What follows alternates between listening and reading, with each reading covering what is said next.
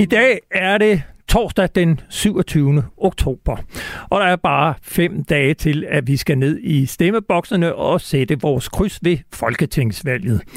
Statsministeren har kaldt det et tryghedsvalg, men det har ærligt talt været en valgkamp, som på trods af krig i Europa har været nærmest blottet for debat om dansk forsvars- og sikkerhedspolitik. Det er til trods for, at Europa er der står i brand. Krigen i Ukraine eskalerer nærmest dag for dag, og Rusland truer med atomvåben og Europa er på vej i alarmberedskab. Alligevel er det som om, at det ikke rigtig interesserer os her i Trygge Danmark, hvor debatten mest af alt handler om vores egen næsetip. Hverken medier eller politikere har fundet det relevant at debattere forsvar, selvom forsvar for første gang i årtier ligger i top 5 over de emner, der betyder mest for vælgerne. Det var vores plan at gøre denne sidste udgave af Frontlinjen inden valget til en 55 minutters debat om fremtidens forsvar, og derfor inviterede vi for to uger siden de fem partier bag det nationale kompromis om dansk sikkerhedspolitik til at være med. Desværre må vi forstå, var vi for sent ude. Valgkampen var allerede planlagt, og hverken partier eller politikere har valgt at prioritere en debat om forsvar her på kanalen. Afbudene er derfor kommet i en lindstrøm. Selvom vi udvidede invitationerne til de fleste partier i Folketinget, har resultatet været det samme, og der bliver derfor ikke nogen bred debat om fremtidens forsvar i denne udgave af programmet. Hvorfor udstiller jeg denne fiasko for dig som lytter. Fordi den siger noget om, hvor højt politikerne prioriterer forsvaret i den aktuelle valgkamp.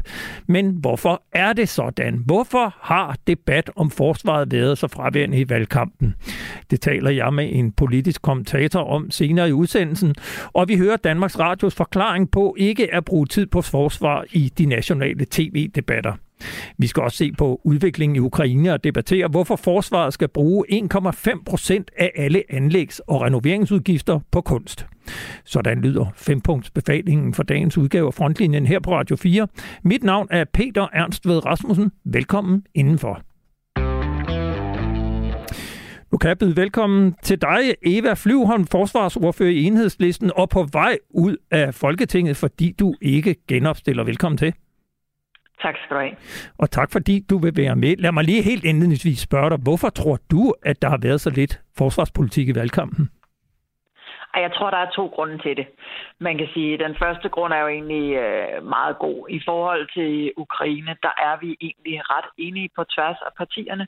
Vi er alle sammen enige om at sende våben til ukrainerne, altså både våben og humanitær støtte osv. Så, så der er ikke nogen... Der er ikke så meget skændes om, kan man sige. Det, der står vi heldigvis øh, sammen om det. Vi er også alle sammen enige om, at der skal ligges massiv pres på Putin med sanktioner, og at man faktisk skal gå rigtig meget til stålet der. Så det, der handler om, hvordan vi skal håndtere øh, situationen i Ukraine, hvordan vi skal lægge pres på Rusland, og faktisk også, at vi skal byde ukrainske flygtninge velkommen i Danmark osv. Altså, der er vi faktisk usædvanligt enige om, hvordan øh, vi, skal, vi skal håndtere det. Og mm. det er jo måske en meget, altså hvad skal man sige, det er jo faktisk en god situation, synes jeg, at vi i en ellers meget, meget dårlig situation, men det er jo faktisk godt, at vi står øh, ret samlet der. Øh, Øh, og, og derfor bliver det måske heller ikke diskuteret så meget, for der mm. får man lidt det samme hos alle. Men den, øh, men den, øh, den måske mere problematiske grund til, at det ikke bliver diskuteret så meget, det kunne jeg forestille mig, at nogle af de partier, som har besluttet, at der skal bruges altså, op til 2% af bruttonationalproduktet på, på forsvar fremover, ikke? i sådan en generel ja, ja. Øh, hævning, ikke? At, øh, at de skulle nok tænke, at det er rigtig, rigtig mange milliarder øh, at bruge, som jo også kommer til at gå fra vores velfærd, fra vores grønne omstilling og nogle af de ting. Og det kan godt være, at der ikke er den vilje til at diskutere det. Og det synes jeg jo er rigtig ærgerligt, fordi det er faktisk en, øh, øh, i mine øjne... Det kommer meget, vi til at diskutere meget, meget mere om. Øh, vi, nu øh, tror jeg også, vi har Rasmus Jarlov igennem her. Jeg, jeg kaster mig lidt ud i det. Rasmus Jarlov, forsvarsordfører for det konservative Folkeparti. Velkommen til. Vi havde lige lidt knas med at få dig med på en linje her, men nu har vi dig altså med. Øh, vi kaster os ud i det. I sidste uge, der skrev vi på forsvarsmediet Olfi, at Forsvarsministeriet havde tilbageholdt en evalueringsrapport om det danske forsvar, som først ville blive drøftet på et møde for ligeskrisen efter Folketingsvalget.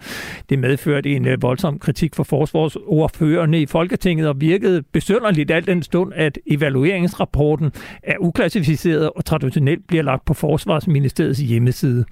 I øh, Rødovre, der fangede jeg i sidste uge Morten Bødskov, forsvarsministeren, og spurgte ham, hvorfor han ikke vil udlevere den til forsvarsordførende i Folketingets forsvarsudvalg.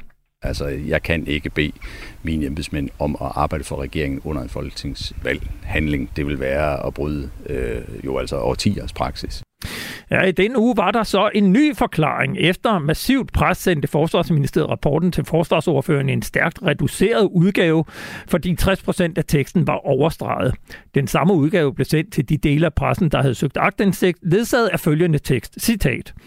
Forsvarsministeriet har på baggrund af den aktuelle sikkerhedspolitiske situation efter en konkret vurdering foretaget af Forsvarets efterretningstjeneste undtaget en række oplysninger fra retten til agtindsigt. Der taler om oplysninger vedrørende Danmarks militære evne, hvor det er væsentlig betydning for statens sikkerhed og rigets forsvar, at oplysningerne ikke udleveres. Øh, jeg tager lige dig til at begynde med først, Eva Flyvholm. Du har som forsvarsordfører fået adgang til at læse evalueringen i Forsvarsministeriet. Har du gjort det? Nej, det må jeg indrømme, det har jeg ikke nået til endnu. Hvorfor ikke? Fordi at øh, det fik vi mulighed for øh, i går, og der har også været en, en hel del øh, andre ting. Fair nok. Fair øh, nok. Hvad hedder ja. det? Men, øh, men, og, og, og derudover så må jeg også sige, at altså, jeg opfatter ikke det her indhold som særligt kontroversielt, eller hvad skal man sige, med det, man også har Men lad mig så spørge... Der en rapport hver år, og de siger jo altid, kom, send mere. Altså, ja, ja, men, det, men, det, men lad mig lige høre dig, Rasmus Jarlov. Har du så læst rapporten i Forsvarsministeriet? Ja, det har jeg gjort. Jeg fik den læst i går. Øhm, så ja. Og nu er jeg med på, at øh, FE og ministeriet siger, at du kan ikke tale om, men kan du alligevel gøre sådan en lille smule klogere på, hvad handler de dele af rapporten om, som vi så ikke må se?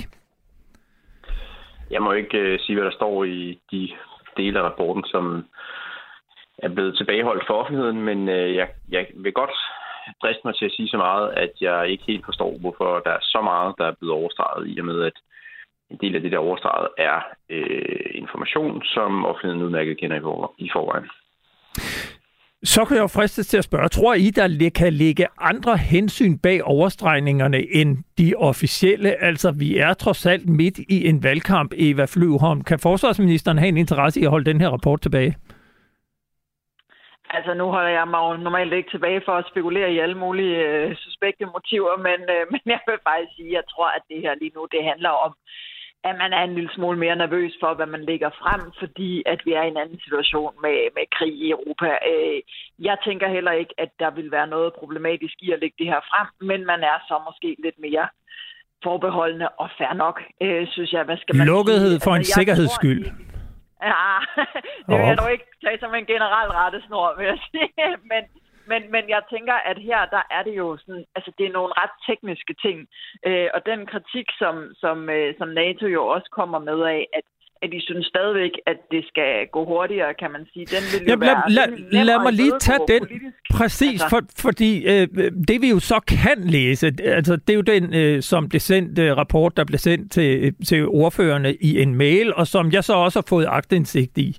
Der står der i rapportens punkt 19, citat, alt i alt gør Danmark meget langsomme fremskridt mod implementeringen af tilsavnet om investeringer. Forsvarsudgifterne vil i 2023 nå op på 1,39 procent af BNP med en nylig indgået aftale om at nå 2 procent målet i 2033. På den positive side vil Danmark opfylde målet om at bruge 20 procent af forsvarsudgifterne på større materielinvesteringer, forskning og udvikling i 2022. Det ændrer ikke på, at Danmark er nødt til at accelerere investeringer investeringerne i forsvar for at opfylde NATO's styrkemål og opfylde sine nationale ambitioner på forsvarsområdet. Øh, Rasmus Jarlov, det her kan du så godt tale om. Øh, hvad siger du til kritikken fra NATO om, at det simpelthen går for langsomt? Jamen, det er jo helt åbenlyst, at det går for langsomt. Øh, det ved vi jo ud fra helt almindelig offentlig tilgængelig information, øh, at opbygningen af Øh, herrens første brigade, som jo er måske det vigtigste overhovedet i forsvarsforledet og den enhed, der skal kunne kæmpe øh, for herren. Øh, det går utrolig sløvt og øh, har meget lange udsigter, før den øh, bliver klar. Vi har stadig ikke fået noget øh, luftværn på vores øh, frigatter. Øh, vi har ikke noget, der kan se under havets overflade og så videre og så videre. Øh, der er øh, utrolig mange ting, som øh, er langt, langt efter tidsplanen. Øhm, og, øh, og det er meget frustrerende, vil jeg sige, fordi der er to problemer med at mm, få et, et ordentligt forsvar i Danmark. Det ene det er, at der skal træffes politiske beslutninger, som gør, at man beslutter at opgradere forsvaret. Det andet er, at de skal implementeres. Og begge dele ser ud til at, øh, at halte. Øh, selv de beslutninger, som er truffet politisk, er ikke blevet implementeret. Jeg kan jo ikke lade være med at spørge dig, altså øh, det punkt, vi læser her, det handler jo om langsomligheden i at nå op på de 2% af, af BNP. Hvis du er konservativ mener, at det går for langsomt, hvorfor i alverden skrev I så under på det nationale kompromis, hvor I accepterede, at Danmark først skal nå de 2% i år 2033? Ja, det gjorde vi, fordi det var det bedste, vi kunne få forhandlet os frem til. Men havde det ikke været bedre at stå udenfor? Øhm, nej, det tror jeg ikke. Altså, øhm, så havde vi slet ikke siddet med i forsvarsforligskredsen. Så ville vi ikke engang få den rapport. Jamen, det er jo ikke et forlig. Det er jo bare en aftale, en, en, en bindende aftale om, hvad man skal på længere sigt. Ja, øh, men det vil også være adgangen for at være med i et forsvarsforlig. Det vil også være, at man er med i, i øh, den aftale. Så det er den økonomiske ramme, som forsvarsforliget skulle laves indenfor, og, øh, og der skal man være med, hvis man skal være med i øh, forsvarsforliget. Og så havde vi ikke engang fået adgang til den rapport. Øh, så var jeg ikke engang blevet inviteret over i i Forsvarsministeriet i går øh, for at få, få adgang til den. Så det er jo desværre sådan, at der er et A- og B-hold øh, for politiske partier, og der er dem, der er med i forlidet, og der er dem, der ikke er. Deler du den analyse, øh, Eva Flyvholm, at hvis øh, det er kun de partier, der er gået med i det nationale kompromis, som bliver lukket ind i det kommende forsvarsforlig og reelt får adgang til viden om, hvad der foregår på forsvarsområdet? Altså, jeg vil sige, at jeg er enig i analysen af, at øh, forsvarsforledet den der aftale, de hænger sammen. Men øh, omvendt så vil jeg sige, at jeg skammer mig ikke over at være på B-holdet. Jeg mener jo, at man øh, hver for sig skal, skal gøre op, hvilken retning man synes, tingene skal gå. Og i enhedslisten, der mener vi jo, at det er nødvendigt selvfølgelig at skaffe våben til Ukraine nu og gøre en lang række andre ting. Men vi er simpelthen ikke enige i den der 2 procent øh, op, øh, altså opgradering, eller hvad skal man sige, eller op. Men jeg husker, jeg havde dig med i studiet her for, for et par uger siden, og hvor du øh, ja. sagde, at øh, ja, det står stadigvæk i principprogrammet, I skal ud af NATO, men i øjeblikket er der ikke noget alternativ. Og hvis der ikke er noget alternativ, og I også gerne vil være medlem af NATO, er det så ikke rimeligt, at vi opfylder den aftale, vi har for at være medlem af NATO? Nej, altså det, øh, man må sige, at de der 2 procent, for det første, det er jo ikke et adgangskrav til NATO. Det er jo en politisk målsætning, man har lagt ind. Øh, og for det andet, så bliver man jo nødt til, som ansvarlig politiker, også at diskutere, om man synes, det er fornuftigt eller ej, at ens land skal bruge 2 procent på øh, forsvar og militær, og hvordan det skal se ud. Det er jo en politisk diskussion, man skal have, som jeg synes desværre fortoner sig lovlig meget i valgkampen her, som vi også øh, øh stod med. Fordi det er rigtig mange penge, der er på spil, og vi er også nødt til at se nogle af de andre ting, der er på spil. For eksempel er klimaforandringerne, den grønne omstilling, energioverhængighed, det også belaster vores sikkerhed helt ekstremt, hvis vi ikke får gjort noget ved det. Og det er nogle af de ting, vi også skal bruge penge på. Nå, hvordan hvad er det så klogest at gå til det? Det er jo den diskussion, vi må have. Der har vi for enhedslisten sagt, vi synes simpelthen, at det er for meget og nå helt op på 2% Det er klart, at vi skal kunne finansiere våben til Ukraine og så videre, nogle af de andre ting. Men de 2% om året, de 17 milliarder mere om året, det er sygt mange penge. Det er altså ikke den måde, vi bedst mener, man giver det ud. Og det bliver man jo nødt til også at, hvad hedder det, øh, at have en politisk diskussion af. Det bør man også have en politisk diskussion af, også i NATO-sammenhæng, om det er den rigtige måde. Det kan man, man jo så sige, at det er jo en diskussion, man har haft løbende i, uh, i NATO. Jeg, synes jo så faktisk, at, at det, der er lidt interessant her, det er det her nationale kompromis, som altså ikke er et forsvarsforlig, men en politisk aftale, der rækker frem til år 2033, og i øvrigt også efter, fordi det var at man har aftalt, at man vil komme op på 2%. Men Rasmus Jarlov, kan du ikke forstå, at det virker en lille smule øh, opsigtsvækkende, bemærkelsesværdigt, måske øh, ja, noget andet, at, at I går med i en aftale, hvor I siger, at vi skal først være på 2% i 2033, og samtidig står du så nu og kritiserer den aftale, I selv er en del af. Jamen, det gør jeg nu egentlig heller ikke. Altså, jeg synes, det er jo en, en aftale, som har gjort, at forsvaret står et bedre sted.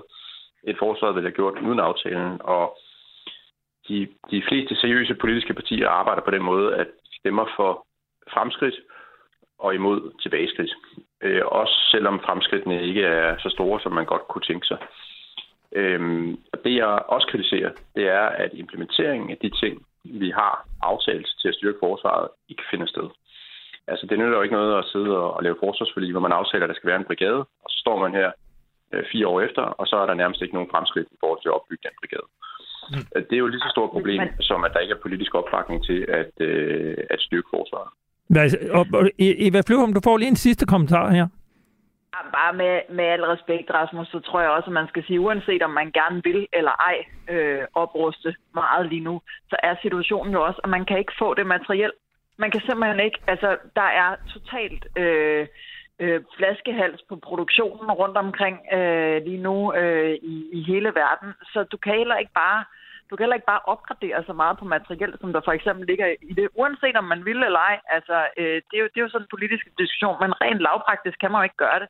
Så det, det kan man sige, øh, det, det synes jeg også lige, at, at konservativ måske også øh, skylder at oplyse, at det er jo også en del af virkelighedsbilledet. Og, ikke også? og det har du selvfølgelig ret i, og øh, nu springer vi sådan set videre i programmet, og Eva Flyvholm, du skal videre til et andet arrangement, og derfor vil jeg sige uh, tak til dig, og uh, tak for din tid som forsvarsordfører. Du stiller ikke op på enhedslisten igen uh, på grund af ja, jeres, rotations, pro, pro, ja. jeres rotationsprincip. Så uh, tak for uh, din tid, og tak fordi du vil være med her. Ja, i lige måde. God dag, ikke? I lige måde. Og Rasmus Jarlov har så lovet at blive hængende her, for nu skal vi øh, rent faktisk tale om forsvarspolitik, og denne gang med en kulturel vinkel. I den forgangne uge skrev mine to kolleger på Olfi, Kasper Junge Vester og Lene Færk overgår en række artikler om kunst på forsvarets tjenestesteder. Det skyldes, at et nyligt opført kunstværk på Haderslev Kaserne har sat gang i debatten om kunstneriske udsmykninger i millionklassen på forsvarets tjenestesteder, samtidig med, at forsvaret er ved at falde fra hinanden og skriver på våben, ammunition, køretøjer, materiel og ordentlige indkvarteringsforhold.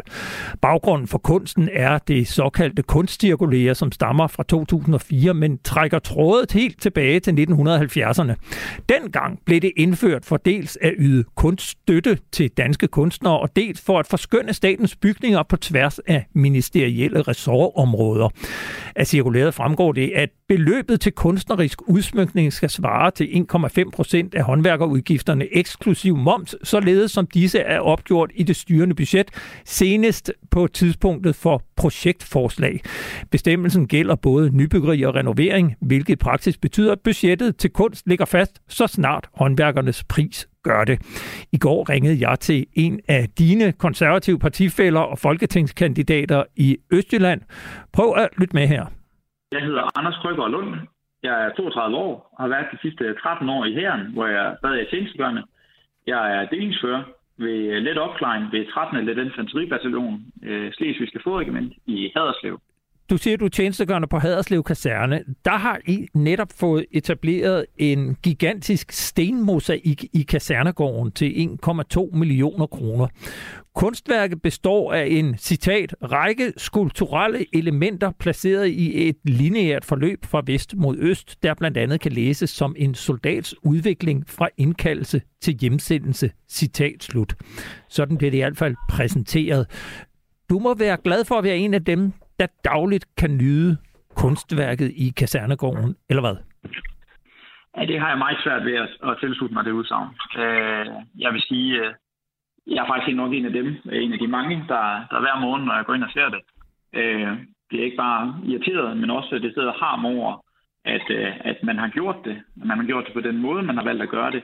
Øh, og at man længere oppe i systemet ikke selv kan se det absurde i, at vi bruger så mange penge på noget, som øh, i min optik er totalt ubrugeligt, og som ingen soldater ønsker, og så står vi og mangler rigtig mange ting i forsvaret, og så bruger vi penge på den måde. Det, det kan jeg simpelthen ikke øh, have sympati for. Prøv at forklare, hvad det er, øh, du og dine soldater står og mangler, og som gør jer harme, når I kigger på et kunstværk i kasernegården til 1,2 millioner kroner. Der er mange lavpraktiske ting i vores hverdag, som er udfordrende. Det er at øh, de få køretøjer, øh, vi har, øh, de er jo øh, slidt øh, helt tosset. Vi er udfordret af, at vi mangler mandskab. Der er jo rigtig mange stillinger, der er ubesatte. Et eksempel, hvor vi også har mangler øh, i hverdagen, det er, det er vores træningsfaciliteter, når man skal bruge bænkpresstativet. Øh, det er jo ikke frem betryggende, at den sikkerhedsplet, der skal holde øh, stangen oppe, at den er knækket. Øh, der er huller i gulvet øh, flere steder hen i vægtløftningsområdet. Vores øh, assault bike, altså en af de her træningscykler, øh, er knækket nede i, i pedalen, øh, og, og det bliver ikke fikset. Og så bliver der samtidig fra forsvarets side prioriteret kunst, øh, og, og det virker bare absurd. Ja, det virker bare absurd, at der fra forsvarets side bliver prioriteret kunst, siger premierløjtnant Anders Krøjgaard Lund fra Slesvigske Fodregiment. Kan du forstå øh, Anders Krøjgaard Lunds frustrationer, Rasmus Jarlov? Det kan jeg godt. Jeg kan godt forstå, hvis man står og kigger på et grimt kunstværk, øh, og man synes, man mangler midler. Øh, andre steder så er man frustreret over, at pengene bliver brugt til noget, som man ikke synes, man får nogen gavn af, og som øh, måske endda ikke engang er særlig pænt. Nu kender jeg ikke lidt det konkrete kunstværk, vi øh, taler om her, men, men, øh, men nogle gange bliver der lavet kunstværker, som man ikke øh, kan se værdien af. Øh, generelt er jeg tilhænger af, at der er kunst øh, i øh, det offentlige rum og også på offentlige bygninger. Øh, jeg synes, det er vigtigt, at vi bevarer vores kultur og vores ånd, øh, og derfor er jeg ikke generelt modstander af, at vi holder fast i, at det skal indgå, når man bygger noget nyt.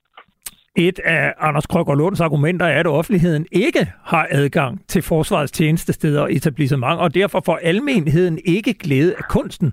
Og soldaterne, der har adgang, vil hellere bruge pengene på noget, der understøtter den funktionalitet, som tjenestestedet har. Forsvar som en lukket militær installation modtager ikke synderligt mange gæster. Vi kan heller ikke præsentere kunstværker til offentligheden, når de er inden for et lukket areal, hvor man skal vise ID-kort for at komme ind. Ergo er brugerne kun soldater. Og det betyder, at man i min optik også burde betragte det anderledes.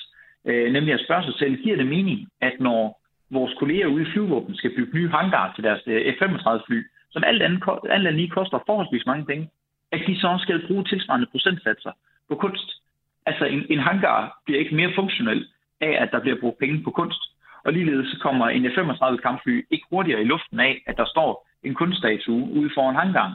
Altså der mener jeg bare, at man bør betragte noget som pure funktionelt, som er en militær nødvendighed. Og så derved grejfrøde den her, det her øh, cirkulære. Der er ikke noget kunst i hæren, der understøtter opgaven, medmindre vi kigger på nogle helt isolerede eksempler. Det kunne være øh, Frederiksberg Slot, som er jo kulturbærende, fordi det er et gammelt kongeslot. Jamen bevares, der, der, der har kunsten en central rolle. Man kan så også bare spørge sig selv, behøver der at købes ny kunst? Eller handler det ikke mere om at bevare den, der er? Og i hvert fald, når man kommer ud på kaserner, på flyvestationer, jamen jeg vil også sige, øh, i Søværnens øh, havneanlæg, når der skal bygges der, så er det jo ikke sådan, at en havn bliver mere funktionel af, at der bruges flere penge på kunst.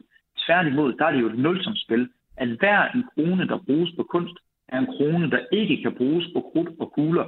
Og i en tid, hvor vi mangler kampkraft, hvor Putin har invaderet et andet land i Europa, hvor vi ser lande som Polen opruste massivt. Altså, det er jo flere tusind kampvogne, de netop går ud og investerer i.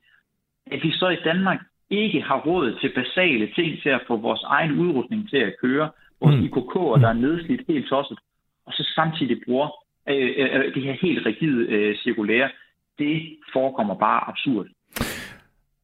Rasmus Jarlov, har din konservative kollega, og altså folketingskandidat, øh, ikke en pointe i, at det er en smule absurd at hangarer til F-35 på en øde flyvestation i Skrydstrup i Sønderjylland partout skal udsmykkes med kunst for formentlig flere hundrede tusind kroner? Jo, man kan nok godt finde nogle eksempler på, at det er tosset, at man skal bruge penge på kunst på nogle bygninger, som måske ikke er tiltænkt at skulle være veje, og som ikke er, er egnet til at have det. Øh, men, men helt generelt vil jeg sige, det er jo ikke det, der gør, øh, at man mangler penge ud i forsvaret. Jeg tror, store beløb er der trods alt ikke øh, tale om. Og øh, altså, øh, som konservativ, jamen, så går vi op i ånd og kultur. Og øh, altså, jeg synes faktisk, det, det er godt, at Anders også nævner Frederiksberg Slot. Øh, det var lige ved at afskaffe ved seneste forsvarsforlig. Det var sådan, at der lå et, et udkast på bordet, hvor at øh, herrens officerskole blev flyttet til Svanemøllen. Og i aller, aller sidste øjeblik, som den aller sidste ændring af forsvarsforliget, øh, så fik jeg øh, sat som betingelse for, at konservative gik med, at øh, officerskolen blev liggende på Frederiksberg Slot. Fordi vi synes, at øh, kultur, ånd og historie betyder noget, og at det også er afgørende for, at man øh, fungerer bedre. Og en af de største katastrofer for hvad skal sige, det æstetiske udtryk øh, i Danmark, det er jo, at man har holdt op med at lave kunst, når man bygger bygninger. Det er jo derfor, der ikke er lavet nogen pæne bygninger de sidste 100 år. Øh, at alt nu er sådan nogle blanke flader med stål og glas og uden udsmykninger og uden nogen detaljer, uden at man har gjort noget ud af, at det ser pænt ud. Og det synes vi faktisk ikke er særlig godt. Altså, øhm, vi, vi har i, øh, i den forgangne uge skrevet på Olfi om et andet kunstværk, som er blevet opført på Dragonkasernen i Holstebro. Det er bronzemonumentet Lykken står den kække bi, som forestiller et møde mellem en historisk og en nutidig dragon, der mødes ved en bronzeport. Skulpturen kostede 1.215.000 kroner. Den er skabt Nana Dreves Brøndum og kommer fortløbende til at kræve en del arbejde til både drift, ren og vedligehold. Jeg citerer fra kunstnerens beskrivelse af bronzemonumentet. Det anbefales, at skulpturen efterses jævnligt og at der foretages regelmæssigt vedligehold. Det anbefales, at skulpturen voksbehandles hver andet år for at lette afrensningen. Disse voksbehandlinger skal udføres af fagfolk, og hun op, øh, opfordrer også til, hvem det skal være. På Dragonkasernen skal man også være klar til at rykke hurtigt ud, hvis fugle i området vælger at besørge på værket. Citat. Hvis skulpturen er blevet ramt af fugleekskrementer, er det vigtigt, at det fjernes hurtigt, så hurtigt som muligt, da fugleekskrementer har en ætsende effekt på især metal. Husk at bruge handsker og maske ved fjernelse af fugleekskrementer for at undgå smitte. På Haderslev Kaserne ser premierløjtnant Anders Krøjgaard Lund nogle andre udfordringer, som også handler om renovering og vedligehold. Der kan sagtens være kunst mange steder i forsvaret, der understøtter funktionaliteten. Øh, og det er fint i forhold til nybyggeri. Men når man taler om renoveringer, så skal man huske på, at kunstværkerne, de dør altså ikke lige så hurtigt øh, som vores bad- og omklædningsfaciliteter. Så det vil sige, at efter 20-30 år, når der skal bygges nye øh, bad- og omklædningsfaciliteter, så skal der købes endnu mere kunst. Men den gamle kunst bliver ikke nødvendigvis øh, sløjfet, fjernet eller gravet op af den grund. Øh, den akkumulerer sig bare. Og konkret i Haderslev, der kan jeg jo se ude på græsplænen, at der står rigtig mange øh, stenskulpturer og keramiske øh, hemstregimster. Alt muligt, som jeg tror er kunst, der er blevet købt i tidens løb, hver gang man har renoveret på kasernen. Men det er ikke noget, der bringer noget af værdi for, for soldaterne. Øh, de går sådan set øh, øh, bare forbi det og tænker ikke videre over, at der står et eller andet keramisk hemstregims. Øh, så, så jeg vil sige, øh, hvis man vil gøre noget æstetisk for soldater, så kan man bare starte med at plante nogle store egetræer eller et eller andet, som ser kønt ud. Det behøver altså ikke øh, koste øh, alverden. Ja, i disse tider, hvor vi har så meget fokus på klimaet, kan det så ikke mere mening at plante nogle træer og spare noget CO2 i produktionen, Rasmus Jarlov? Det er svært at være uenig i, at vi skal lave noget, der er pænt, øh, i stedet for noget, der er grimt. Øh, så kritikken her går nok mere på de konkrete kunstværker, som er blevet lavet. Øh, og at man måske burde nogle gange pulje midlerne lidt til at købe nogle større ting, i stedet for at det bliver sådan en ting, hvor man lige skal bruge 100.000 på en, en stenskulptur, som måske ikke lige øh, passer ind, fordi der ikke bliver gjort det store ud af det, øh, men det er bare noget, man skal købe. Mm. Øh, det er selvfølgelig et problem. Øh, helt generelt, så vil vi nu gerne holde fast i, at øh, der skal være kunst, også på forsvarets øh, områder, fordi vi simpelthen vi ønsker ikke at fortrænge kunsten fra Danmark. Vi ønsker ikke, at det skal være den rene funktionalisme, og man kun tænker på, øh, hvad der skal være så billigt og funktionelt som muligt. Øh, det bliver meget goldt og, og åndsforladt, hvis vi øh, bygger på den måde. Og der vil vi gerne holde fast i, at øh, bygninger skal være pæne, og det, det er det her jo et forsøg på, at man skal skabe nogle gode omgivelser. Øhm, og det vil, vi, det vil vi grundlæggende gerne holde fast i. Men det er selvfølgelig klart, at, at der ikke ikke alle kunstværker, der er pæne, og man kan godt gå og ære sig over, at man ser noget, der er grimt, og man så i stedet for synes, man kunne bruge penge på noget andet. Og således lykkedes det at få en debat mellem to konservative, som var rygende uenige om, hvorvidt man skal bruge penge på kunst, og 1,5 procent af alle anlægsudgifter og i øvrigt renoveringsudgifter på kunst i forsvaret. Jeg vil sige tusind tak til dig, fordi du var med her, øh, Rasmus Jarlov. Vi fik dig med. Du er forsvarsordfører i det konservative Folkeparti og formand for Folketingets forsvarsudvalg. Og så rigtig god valgkamp til dig. Ja, tak skal du have. Hej. Hej. Men øh, først så skal vi tale om noget, som jeg faktisk synes har, over, har fyldt overraskende lidt i valgkampen, nemlig det faktum, at der er krig i Europa. Ja, det her var et kort klip fra podcasten Østergaards Salon, som man i denne uge kunne lytte til på Berlingske. Her talte chefredaktør Mette Østergaard med Weekendavisen udlandsredaktør Anna Libak om, hvorfor der ikke er mere forsvar i den aktuelle valgkamp. Og nu har jeg fået besøg her i studiet af Lars Trier Mogensen. Velkommen til. Tak skal du have. Chefredaktør på netmediet Følge Tong, radiovært på Guld og Grønne Skove på DR's P1, podcastvært på Borgen Unplugged, og det har spurgt om før, og fået OK til at kalde dig, venstreorienteret politisk kommentator og analytiker. Jeg lige vil sige her, der og alle vegne. Jeg stiller dig samme spørgsmål. Hvorfor har valgkampen været præget af alt andet end debat om forsvaret? Fordi det er lykkedes for Socialdemokratiet at neutralisere den ellers eksplosive debat ret effektivt.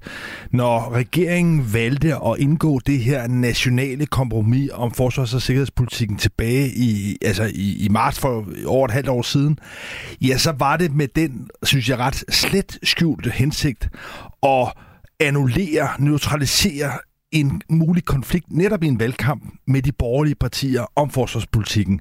Og jeg vil gå så vidt som til at sige, at det lykkedes for Socialdemokratiet, for Mette Frederiksen, i virkeligheden måske at narre Jakob Ellemann Jensen, altså Venstres formand, og Søren Pape Poulsen, konservativ formand, i en fælde, hvor nytten, gevinsten har været entydigt på Socialdemokratiets side, og meget, meget lidt på øh, de borgerlige partiers side i, øh, i det spil. Og, og, og når Socialdemokratiet har ønsket at neutralisere det, ja, så er det fordi, at de er bange for, at der kan være øh, midtervælgere, som ligesom på grund af den her dagsorden vil søge over midten, stemme blot. Og der har Socialdemokratiet haft en erfaring, en meget succesfuld erfaring med at frontforkorte. Det ord tror jeg godt, man må bruge her i, det, i programmet. Det må man gerne i frontlinjen. Men i virkeligheden, altså, det er sådan en term, man også bruger i sådan politiske kredse, og ligesom gør fronten så øh, lille øh, og kort som overhovedet muligt, øh, for derved ikke at fremkalde øh, konflikt. Og det er jo det, det lykkedes for Socialdemokratiet tidligere med udlændingepolitikken.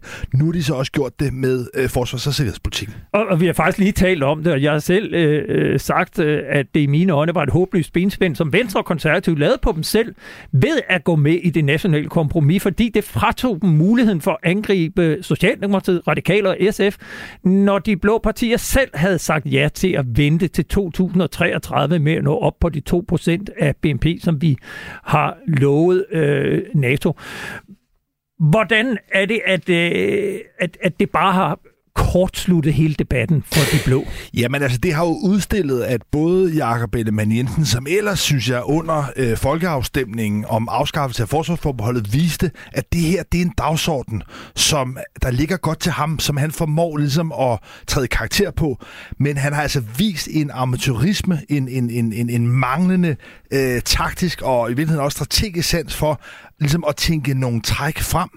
Øh, det samme med Søren Pape. Altså, de blev lullet ind i, i virkeligheden og få lov til at sidde med ved det store bord og få lov til at træffe store beslutninger og være dem, der på en eller anden måde endeligt nu fik løftet øh, forsvarsbudgettet op til det, vi har lovet helt tilbage i 14. Men det, de altså bare overså i processen, det var, at Socialdemokratiet derved jo kunne med en vis rimelighed sige, jamen det her, det er slet ikke noget valgkampstema, for vi er jo enige. Øh, jeg læste en kommentar af journalisten og forfatteren David Tras, som ved det seneste folketingsvalg stillede op på Socialdemokratiet, men på trods af over 2500 personlige stemmer ikke kom i Folketinget. Han skrev for en uge siden i Altinget, at danske politikere er ligeglade med udenrigspolitik. Nej, hvor vi hygger os her i Lilleputlandet. For mens der er krig i Europa, mens Putin truer demokratiet, mens ukrainerne dør i tusindvis, mens bomberne regner ned over Kiev, ja, så snakker vi bare om noget andet her til lands. Vi snakker snakker om normeringer øh, til børnehaver, vi slutter om bundskatten, vi ævler om utrygge, vaskekælder, vi snik snakker om lærker og frøer, vi skidt snakker om hinanden. Øh, han siger, at en af årsagerne til, at udenrigspolitikken stort set er udladt af valgkampen, skyldes medierne, men det største problem er politikerne, som ikke insisterer på at tale mere om den krig, vi står midt i. Øh, han nævner medierne, og det kunne jeg godt lige tænke mig at spille et lille klip. Så for hvorfor fylder forsvar og truslen for Rusland ikke mere, når eksempelvis Danmarks Radio vælger emner til de store tv-debatter? Min kollega Niklas Erbel og Dein ringede til chefredaktør Thomas Falbe fra DR og spurgte ham. Ja, sådan altså, lidt floromvunden kan man jo sige. Det er sådan en, øh, en samlet øh, redaktionel vurdering, hvor vi tager rigtig, rigtig mange aspekter i spil. Øh, noget af det handler jo om, hvad der i virkeligheden ligger danskerne mest på sinden, at politikerne leverer svar på. Det er jo noget, vi opfanger både gennem øh, målinger på tværs af alle mulige institutter i medier og interesseorganisationer og andet, men også igennem den kontakt, vi selv har med danskerne, henvendelser, vi får, deltagelse på valgmøder, arrangementer, alt muligt, hvor man ligesom siger, hvad er det for nogle tematikker og andet, der, der dominerer den dagsorden, som vælgerne spørger til. Det er selvfølgelig ikke det eneste. Der er også, øh, hvad skal man sige, vores eget betragtning på, hvad er det for nogle væsentlige, sådan fremadrettede samfundsmæssige tematikker, som politikerne, uanset hvilket parti de tilhører, tilhører, vil komme til at skulle levere nogle svar på i form af lovgivning i den kommende eller de kommende folketingssamlinger. Og endelig kan man sige, så er der jo det sådan mere, øh, sådan lidt mere kyniske, journalistiske aspekt i det, at hvis du skal have en debat til at fungere, så er du også nødt til at identificere nogle områder, øh, nogle øh, indgange, vinkler, hvor de bærende partier faktisk er reelt øh, uenige. Ja, Lars Trier Mogensen, er det i virkeligheden essensen af det her, at med det nationale kompromis har Socialdemokratiet sikrer sig, at der er bred enighed, og dermed har medierne ikke den krog at gribe fat i, fordi partierne er enige om, at øh, vi skal øge forsvarsbudgettet til 2%. Ja, mediernes logik er ekstremt let at aflure for politikerne, særligt de politikere, der sidder på magten og selv har en mulighed for at planlægge forløb. Og derfor har det handlet for Socialdemokratiet om, kan man sige, ligesom at bringe temperaturen ned, spændingsniveauet ned i den her debat. Det er jo det samme trick, de lavede for eksempel med hele psykiatriområdet, hvor man indgik en lille aftale øh, lige før valget. Det gør nu, at man i valgkampen ikke kan diskutere psykiatri, på trods af, at jeg tror, at rigtig, rigtig mange øh, vælgere, i hvert fald de folk, der haft berøring med det psykiatriske system, godt ved, at det er virkelig noget, der øh, er, er hot stuff, noget, der virkelig altså, kan rykke vælger. Men der formoder man også fra Socialdemokratiets side at frontforkorte neutralisere og annullere debatten. Så det er altså et greb, som Socialdemokratiet har udnyttet, og det har været meget bevidst. Og det, jeg synes, der er påfaldende, det er ikke så meget, at Socialdemokratiet forsøger ligesom at tone den her debat ned. Nej, det, der egentlig synes står tilbage som det store mysterium, det er, hvorfor at Venstre og Konservativ hoppede med på limpinden, gik med i den fælde, det var, og neutralisere noget, der ellers kunne have været en vindersag for dem. Det er simpelthen amatørisme fra øh, Jakob Ellemann Jensen og Søren Pæbes side. Og det er jo også det, man på en eller anden måde bliver nødt til at forholde sig til en valgkamp. Det er jo en test af, hvem er det, der har lederskabet? Hvem er det, der evner på en eller anden måde også at forberede sig til en valgkamp? Og i den kamp, ja, der har Mette Frederiksen i hvert fald øh, naret de mindre kloge. Man kan jo sige, at øh, krigen er det helt alt overskyggende tema, som påvirker klima, energi, økonomi og konsekvenserne på lang sigt er meget værre. værre. Øh, så spørgsmålet er jo, om ikke øh, medierne i virkeligheden burde tage emnet op alligevel. Jeg synes faktisk, det er et rigtig godt spørgsmål, I, øh, I stiller og formulerer. Øhm, og, og al respekt for det, fordi man kan sagtens anlægge det øh, perspektiv, som I gør her, at det faktisk er så vigtigt, at det måske burde trumfe alle andre emner, der bliver diskuteret. Men jeg tror, når det alligevel ikke kommer til at fylde mere i en, en valgkamp, øh, så er det også fordi, at politikerne ikke nødvendigvis har en interesse i at løfte ind i en øh, valgkamp, og det skyldes nok, at der i virkeligheden er relativt bred enighed om det på tværs af det danske folketing. Øhm, og det vil sige, at det ikke her er politikerne sådan kan manifestere en kant eller en forskel, som adskiller dem i forhold til de andre partier, og på den måde hjælpe vælgerne til at overbevise om, at det er lige præcis dem, de skal stemme på. Det tror jeg i hvert fald er et aspekt af det. Ja, det var altså Thomas Falbe, chefredaktør på DR Nyheder. Lars Rimm må vi bare erkende, at i en valgkamp er det kun emner og temaer med konflikt og uenigheder, som politikerne og dermed medierne magter at debattere. Ja, men man kunne jo godt forestille sig, at de borgerlige partier alligevel havde gemt lidt krudt her til valgkampen, og rent faktisk havde spillet ud med nogle lidt mere spektakulære forslag. Og når de ikke gør det, Ja, så udover at de ligesom er gået den her fælde, så tror jeg også lidt, det handler om, at vi allerede er der, hvor det kommer til at medføre nogle omprioriteringer. Altså, der vil være områder af det danske samfund.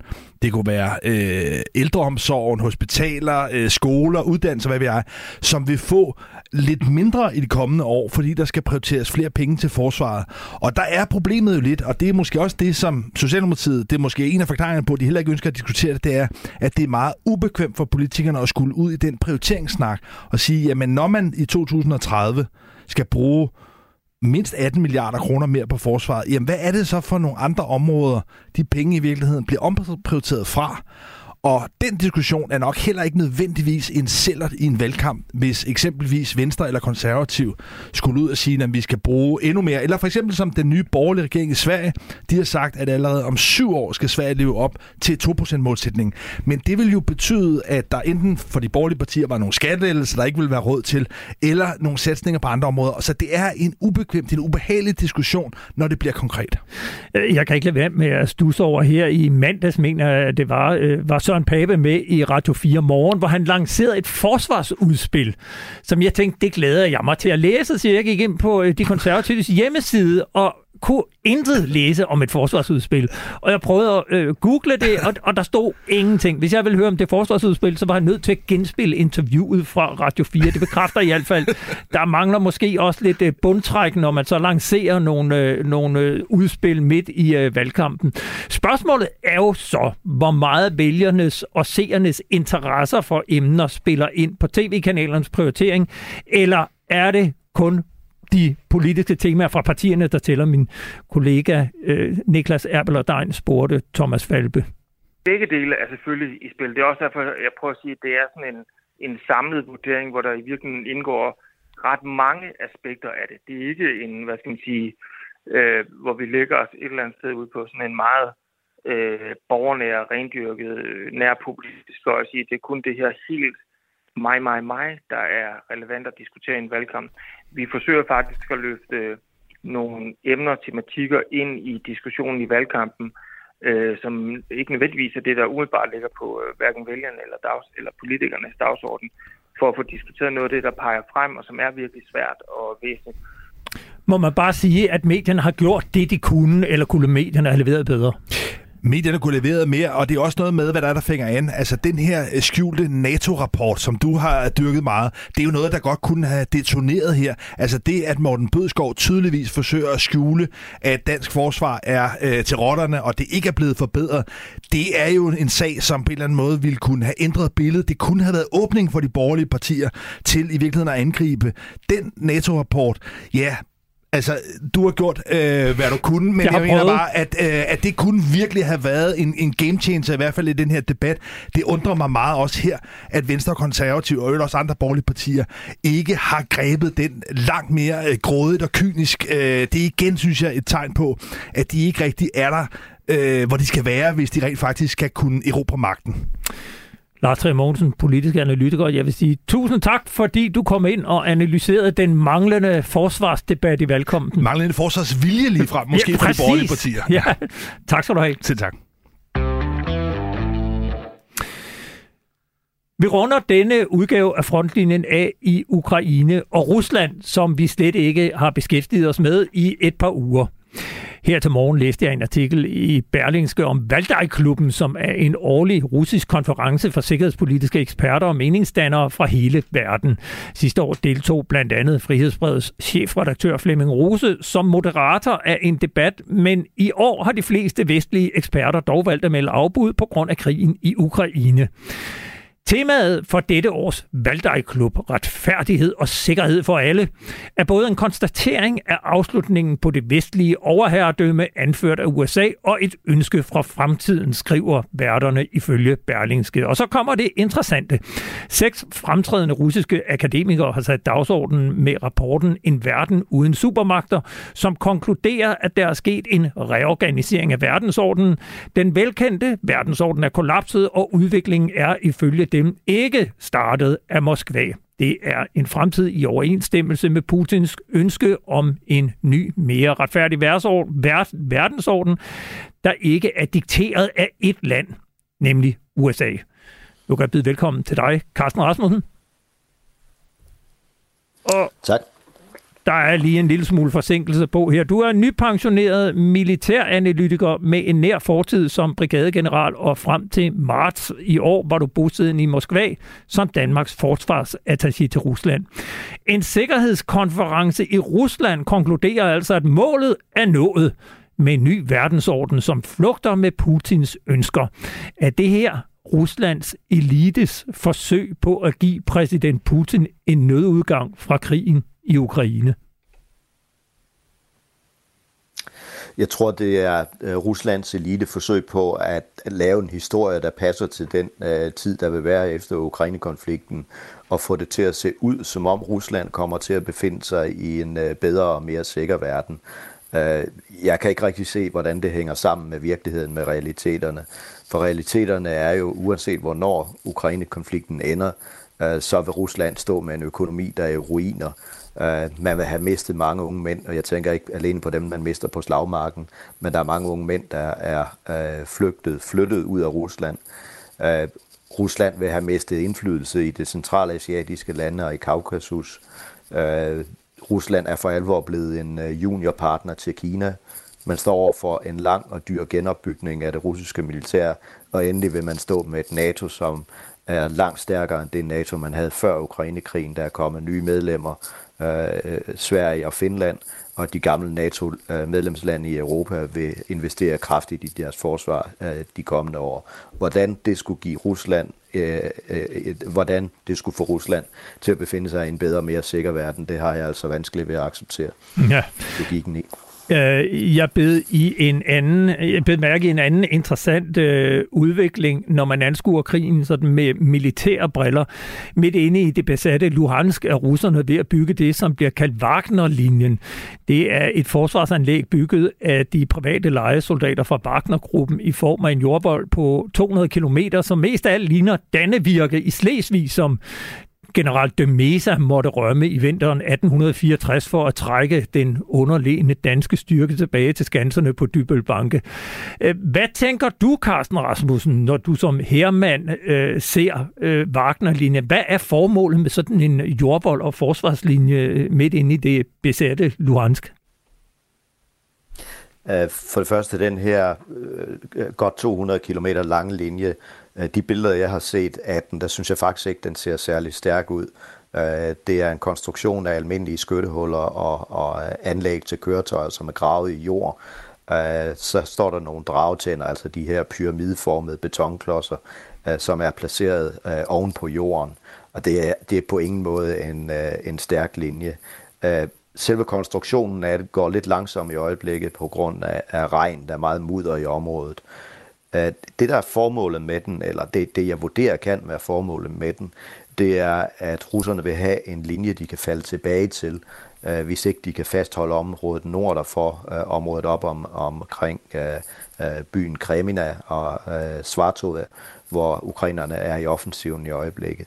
Så kan man trække sig tilbage til den her linje, måske besætte den med mobiliserede soldater og værnepligtige soldater over vinteren for at give de professionelle enheder tid til genopbygning.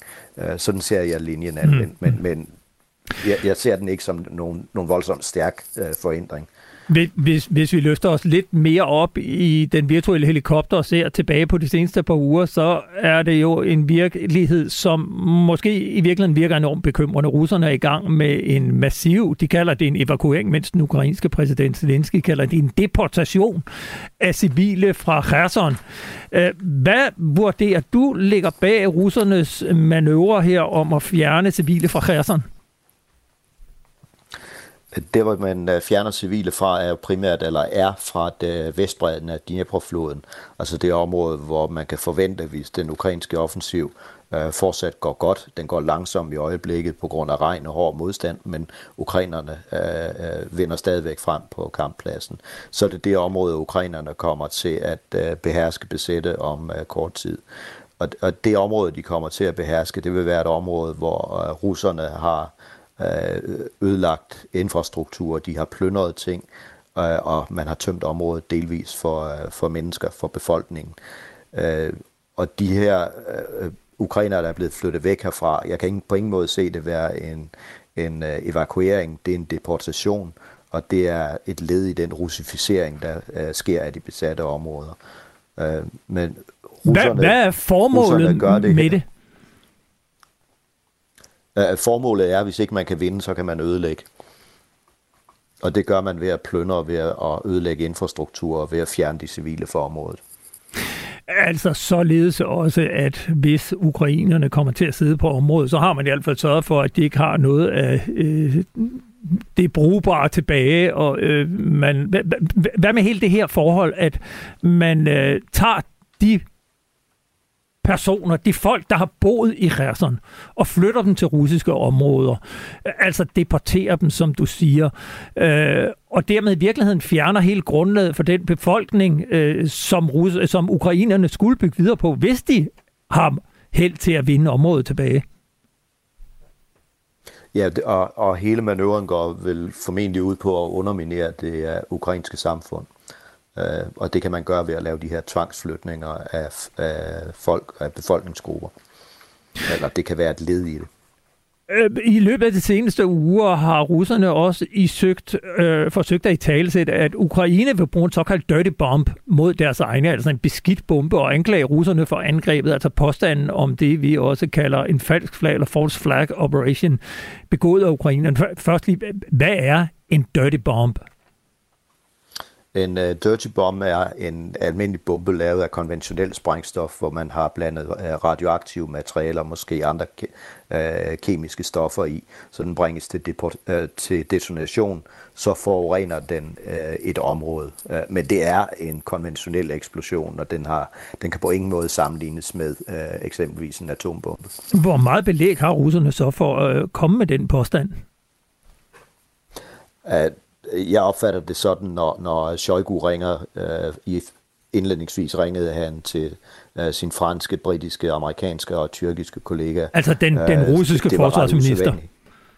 Ja, Shoigu ringede til dem. Efterfølgende har han ringet til forsvarsministeren i Kina og Indien også med, med det samme budskab. Øh, når han gør det, så opfatter jeg det som et varsel om, at øh, Ukraine kunne finde på, slå vrøvl, at Rusland kunne finde på at bruge den her type våben. Øh, Øh, og hans påstand blev jo også straks tilbagevist af de fire vestlige stormagter. Øh, så det er et varsel om, at, at Rusland kan være på vej til at øh, optrappe konflikten på en eller anden måde. Det kunne være med en dirty bomb. Det kunne også være, at man sprænger Novakakova, øh, dæmningen over Dnieprfloden i forbindelse med tilbagegangen fra, øh, fra øh, den, en del af Kherson. Øh, det vil få katastrofale følger både på grund af de oversvømmelser, det vil medføre, at man en stor del af kølevandet eller kølevandet øh, fra øh, atomkraftværket Zaporizhzhia vil også forsvinde, og så har man risiko for en atomnedsmeltning i, øh, i kraftværket. Så det, det er der, jeg tror, vi er på vej hen, mm, øh, mm. og så forsøger Rusland at få omverdenen til at uh, tro, hvis det her sker, hvis de gør det her, jamen, så er det Ukraine, der står bag et andet ting, der kan, et andet forhold, der kan lægge bag Shoigus opkald øh, til kollegaer, det er, at man forsøger at skræmme omverdenen.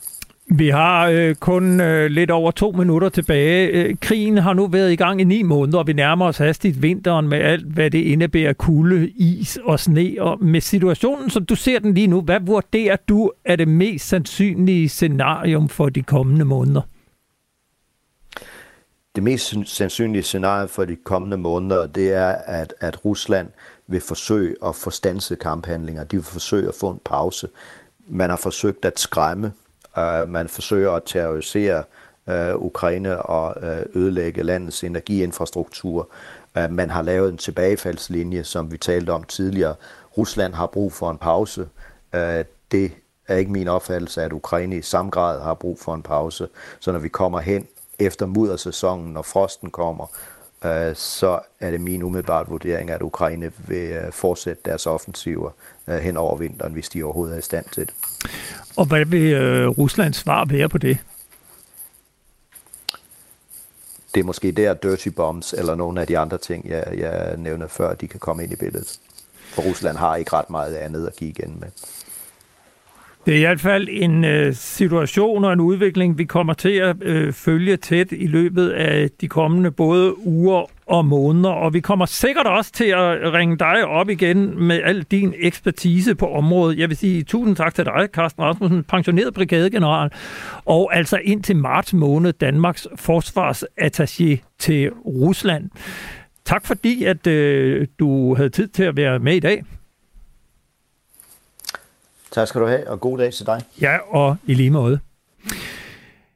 Så når vi ikke meget mere i denne udgave af Frontlinjen. Jeg lover, at vi øh, har fokus på, hvad konsekvenserne kan være af det valg, der altså finder sted på tirsdag for den øh, fremtidige forsvars- og sikkerhedspolitik. Denne udsendelse blev lavet i samarbejde med journalist Niklas Erbel og i regien sad Frederik Petersen. Husk, at du kan skrive til os med rigs, ros eller gode idéer, og til emner, som vi bør tage op på frontlinjen snablag radio4.dk. Du kan også lytte til alle tidligere programmer i Radio 4's app, som du kan downloade til din telefon. Hvis du giver selvfølgelig din podcast player, så får du frontlinjen direkte på telefonen hver uge. Tilbage er der bare at sige tak for i dag, og på glædeligt genhør.